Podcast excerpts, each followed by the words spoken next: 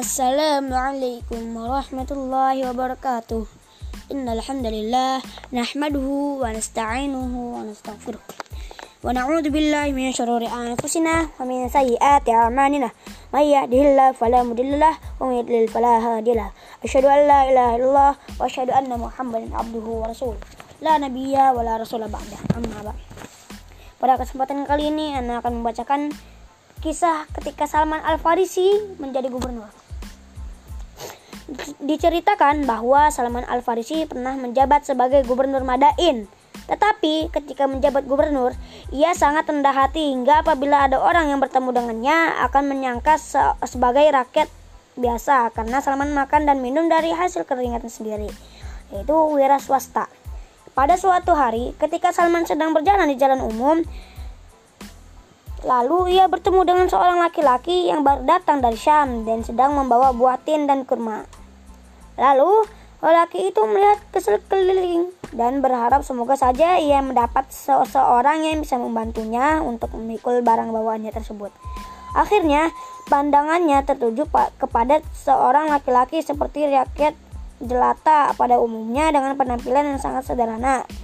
Yang ternyata Salman Al-Farisi maka ia pun segera memintanya untuk membantu memikul barangnya tersebut hingga sampai di rumah. Dan lelaki itu juga berjanji akan memberikan upah atas jasa pikulnya tersebut. Lalu, lelaki yang baru saja datang dari Syam tersebut segera memanggil lelaki yang terlihat sederhana hingga datang menghampirinya lalu berkata, Tolong bawakan barangku ini. Karena diminta tolong, Salman pun membantu memikul barang bawaan lelaki tersebut dan keduanya jalan bersama. Tetapi belum lama perjalanan, keduanya bertemu dengan sekelompok orang orang dan Salman segera mengucapkan salam kepada mereka. Lalu dijawab oleh mereka sambil berhenti sebentar. Waalaikumsalam ya gubernur. Assalamualaikum juga untuk gubernur. Dan yang yang meminta tolong tadi bertanya, gubernur mana yang dimaksud oleh mereka itu? Gumam lelaki saudagar itu di, dal di dalam hati tetapi belum lagi terjawab kebingungannya, laki saudagar itu sudah ditambah dengan kebingungan lainnya, yaitu ketika ia melihat berapa orang yang hendak membantu untuk memikul bawaan lelaki berpenampilan sederhana itu. Seraya berkata, Anda jangan sampai berbuat seperti ini, gubernur. Akhirnya lelaki saudagar itu sadar bahwa orang yang membantunya memikul barang bawaannya adalah gubernur Madain. Salman Al-Farisi tidak tidak ayal lagi kata-kata maaf dan penyesalan. Kepada Salman segera terlontar dari mulut lelaki saudagar itu. Lalu ia juga segera mendekati Salman untuk menurunkan barang bawaannya barang bawaannya tersebut.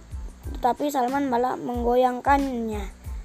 Menggoyangkan kepalanya seraya menolak dan berkata, tidak, akan aku turunkan kecuali setelah kamu sampai di rumah.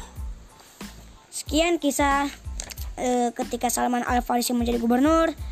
Semoga bermanfaat.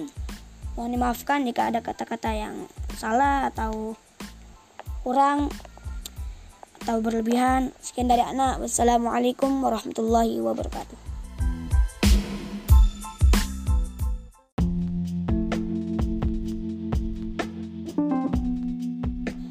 Assalamualaikum warahmatullahi wabarakatuh.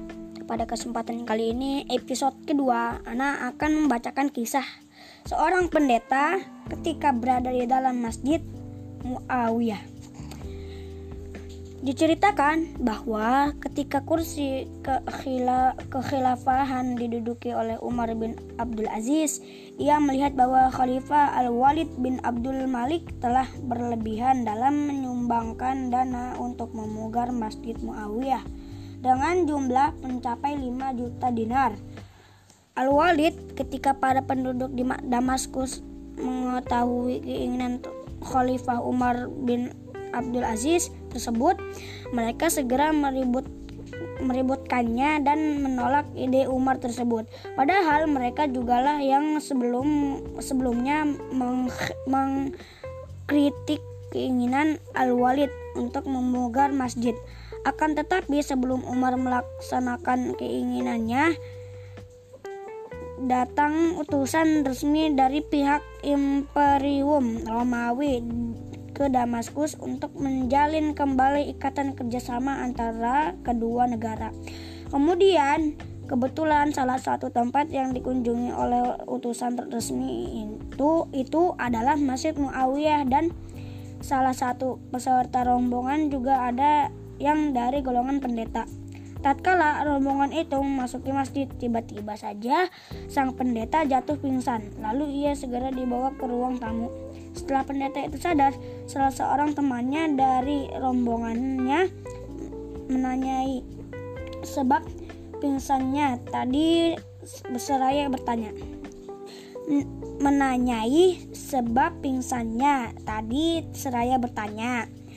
Apa sebenarnya yang yang menimpamu? Pendeta itu segera menjawab. Kita pernah membicarakan bahwa kekuasaan orang-orang Arab tidak akan berlangsung lama, tetapi tatkala aku melihat bangunan yang sangat megah seperti itu, aku merasa ragu dan bingung dan bimbang dan bing dan bimbang. Aku semakin yakin bahwa kejayaan mereka akan terus lenggeng, lenggeng hingga langgeng hingga akhirnya aku jatuh pingsan. Seperti yang kalian lihat tadi, lalu seorang muslim secara tidak sengaja mendengar percakapan mereka dan ia paham betul tentang bahasa Yunani yang digunakan mereka berdua. Maka isi pembicaraan keduanya segera diembuskan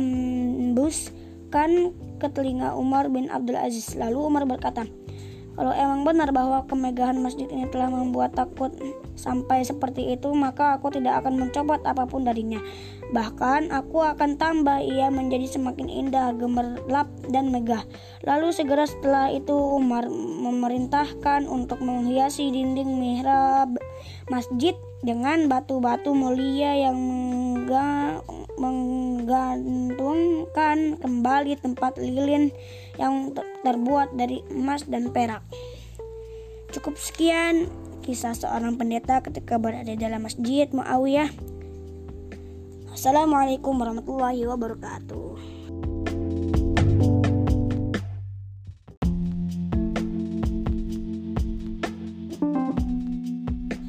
Assalamualaikum warahmatullahi wabarakatuh. Pada kesempatan kali ini, episode kedua, Ana akan membacakan kisah seorang pendeta ketika berada di dalam masjid Muawiyah. Diceritakan bahwa ketika kursi kekhilafahan diduduki oleh Umar bin Abdul Aziz, ia melihat bahwa Khalifah Al-Walid bin Abdul Malik telah berlebihan dalam menyumbangkan dana untuk memugar Masjid Muawiyah dengan jumlah mencapai 5 juta dinar. Al-Walid ketika para penduduk di Damaskus mengetahui keinginan Khalifah Umar bin Abdul Aziz tersebut, mereka segera meribut meributkannya dan menolak ide Umar tersebut. Padahal mereka jugalah yang sebelum sebelumnya meng, mengkritik keinginan Al-Walid untuk memugar masjid.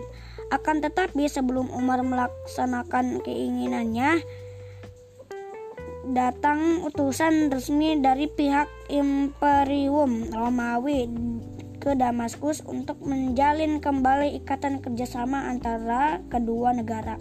Kemudian, kebetulan salah satu tempat yang dikunjungi oleh utusan resmi itu itu adalah Masjid Muawiyah dan salah satu peserta rombongan juga ada yang dari golongan pendeta.